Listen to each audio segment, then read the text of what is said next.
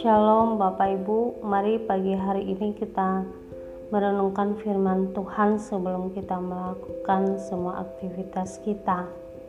Nah, penting untuk setiap hari kita mendengarkan firman Tuhan sehingga kita dapat mengenal kehendak Tuhan dalam kehidupan kita Bapak Ibu. Mari sebelum kita merenungkan firman Tuhan, saya mengajak kita semua untuk berdoa Bapak yang baik, kami bersyukur untuk kesempatan hari ini kami dapat merenungkan firman-Mu di pagi hari ini. Kami berdoa kiranya Tuhan memberikan kepada kami hati yang mengerti kebenaran firman-Mu sehingga kami mengerti dan dapat melakukan kebenaran firman-Mu. Terima kasih Tuhan, kami mengucap syukur dan berdoa. Haleluya. Amin. Bapak, Ibu, Saudara yang dikasihi Tuhan, setiap kita pasti menginginkan untuk hidup dalam keamanan dan hidup dalam keadaan yang penuh damai sejahtera. Nah, salah satu contoh bahwa setiap manusia ingin tetap merasa aman dan tenang adalah dengan membangun rumah yang dikelilingi tembok dan pagar yang kuat. Nah, hal ini dilakukan untuk membuat kenyamanan dan keamanan bisa tetap dirasakan saat berada di rumah ataupun di luar rumah Bapak Ibu. Nah, jika tidak ada pagar atau tembok yang mengelilingi rumah, biasanya orang akan khawatir dan merasa ada yang tidak lengkap dari keadaan rumahnya.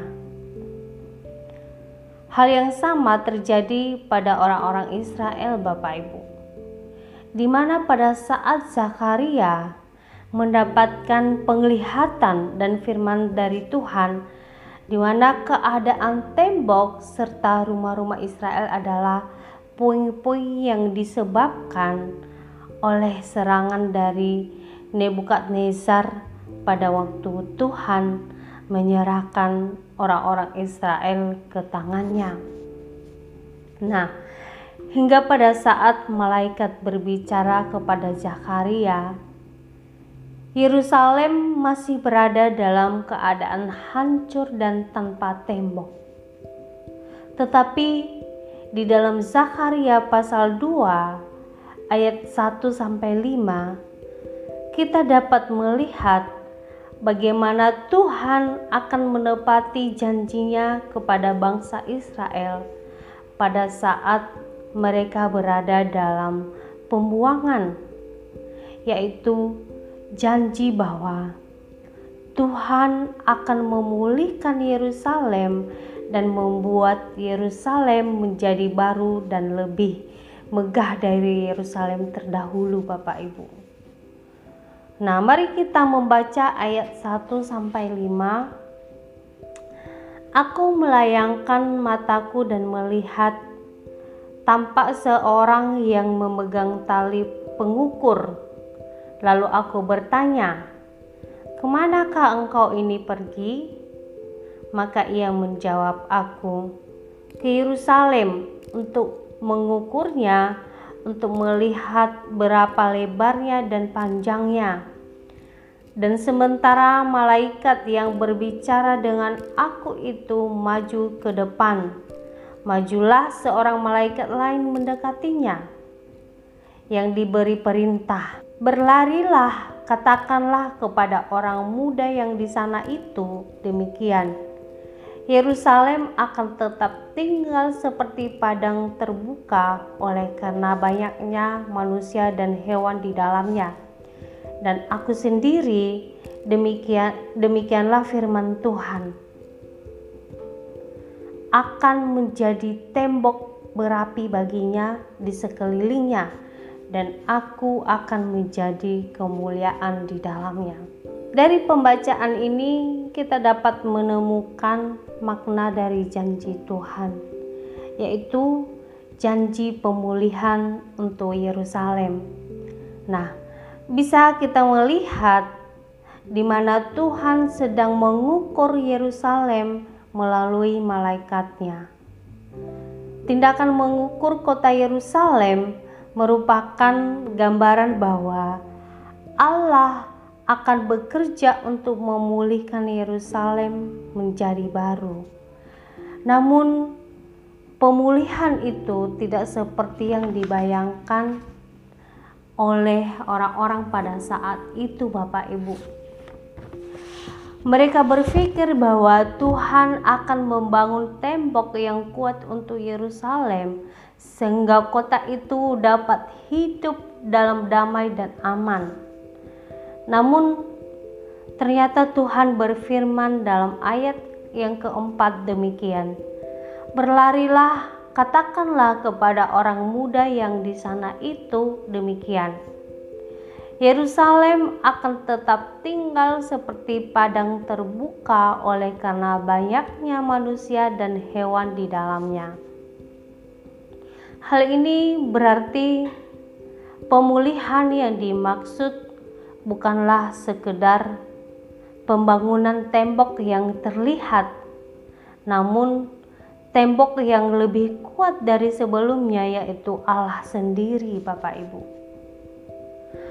Allah mengatakan dalam ayat 5 Dan aku sendiri demikianlah firman Tuhan akan menjadi tembok berapi baginya di sekelilingnya dan aku akan menjadi kemuliaan di dalamnya. Artinya bahwa Allah adalah perlindungan yang akan membuat mereka menjadi aman dan damai, bukan tembok yang akan mereka bangun itu, Bapak Ibu. Tuhan bukan tidak setuju mereka membangun tembok Yerusalem, namun Tuhan ingin hati dan pikiran bangsa Israel tertuju kepadanya sebagai perlindungan yang kuat dan yang pasti memberi rasa aman. Semua ini Tuhan katakan karena Tuhan sangat mengasihi orang-orang Israel sehingga ia menjadi tembok untuk melindungi mereka. Bahkan bukan hanya tembok saja Bapak Ibu. Ia juga melindungi mereka seperti ia melindungi biji matanya. Seperti yang disampaikan di dalam ayat yang ke-8 di mana di sana dikatakan, "Sebab beginilah firman Tuhan semesta alam, yang dalam kemuliaannya telah mengutus aku mengenai bangsa-bangsa yang telah menjarah kamu, sebab siapa yang menjamah kamu berarti menjamah biji matanya." Nah, Bapak Ibu, dari ayat-ayat di atas tadi, apa yang bisa kita pelajari, Bapak Ibu?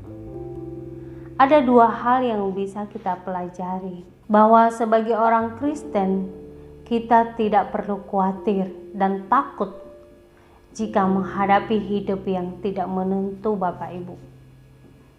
Bila ada persoalan datang, sakit penyakit datang, dan masalah yang begitu besar dan bahaya datang dalam hidup kita, janganlah takut, karena kita punya Tuhan yang besar Bapak Ibu. Mari kita tempatkan dia menjadi perlindungan satu-satunya yang aman dalam hidup kita. Sebab tidak ada yang dapat mengalahkan Tuhan sehingga jika Allah di pihak kita maka tidak ada yang perlu kita takutkan Bapak Ibu. Kemudian poin yang kedua, Hal yang dapat kita pelajari dari teks firman Tuhan pada pagi hari ini bahwa Tuhan mengasihi kita sehingga kita tidak perlu merasa sendirian. Apa pun masalah dan pergumulan kita, maka kita harus percaya bahwa Dia tidak akan meninggalkan kita. Dia tidak akan membiarkan kita tertimpa malapetaka karena kita adalah biji matanya Bapak Ibu. Puji nama Tuhan, demikianlah kebenaran firman Tuhan yang dapat saya sampaikan pada kita pada pagi hari ini. Mari kita berdoa Bapak Ibu. Tuhan kami bersyukur untuk firman-Mu yang kami sudah dengarkan. Kami mau menjadikan Engkau Tuhan dan perlindungan kami satu-satunya karena hanya Engkaulah tempat yang paling aman saat kami menghadapi kehidupan ini. Kiranya Engkau selalu hadir dalam hidup kami dan menjadi penolong dalam pergumulan kami ya Tuhan. Kami berdoa dan bersyukur kepadamu ya Tuhan di dalam nama Tuhan Yesus. Haleluya. Amin.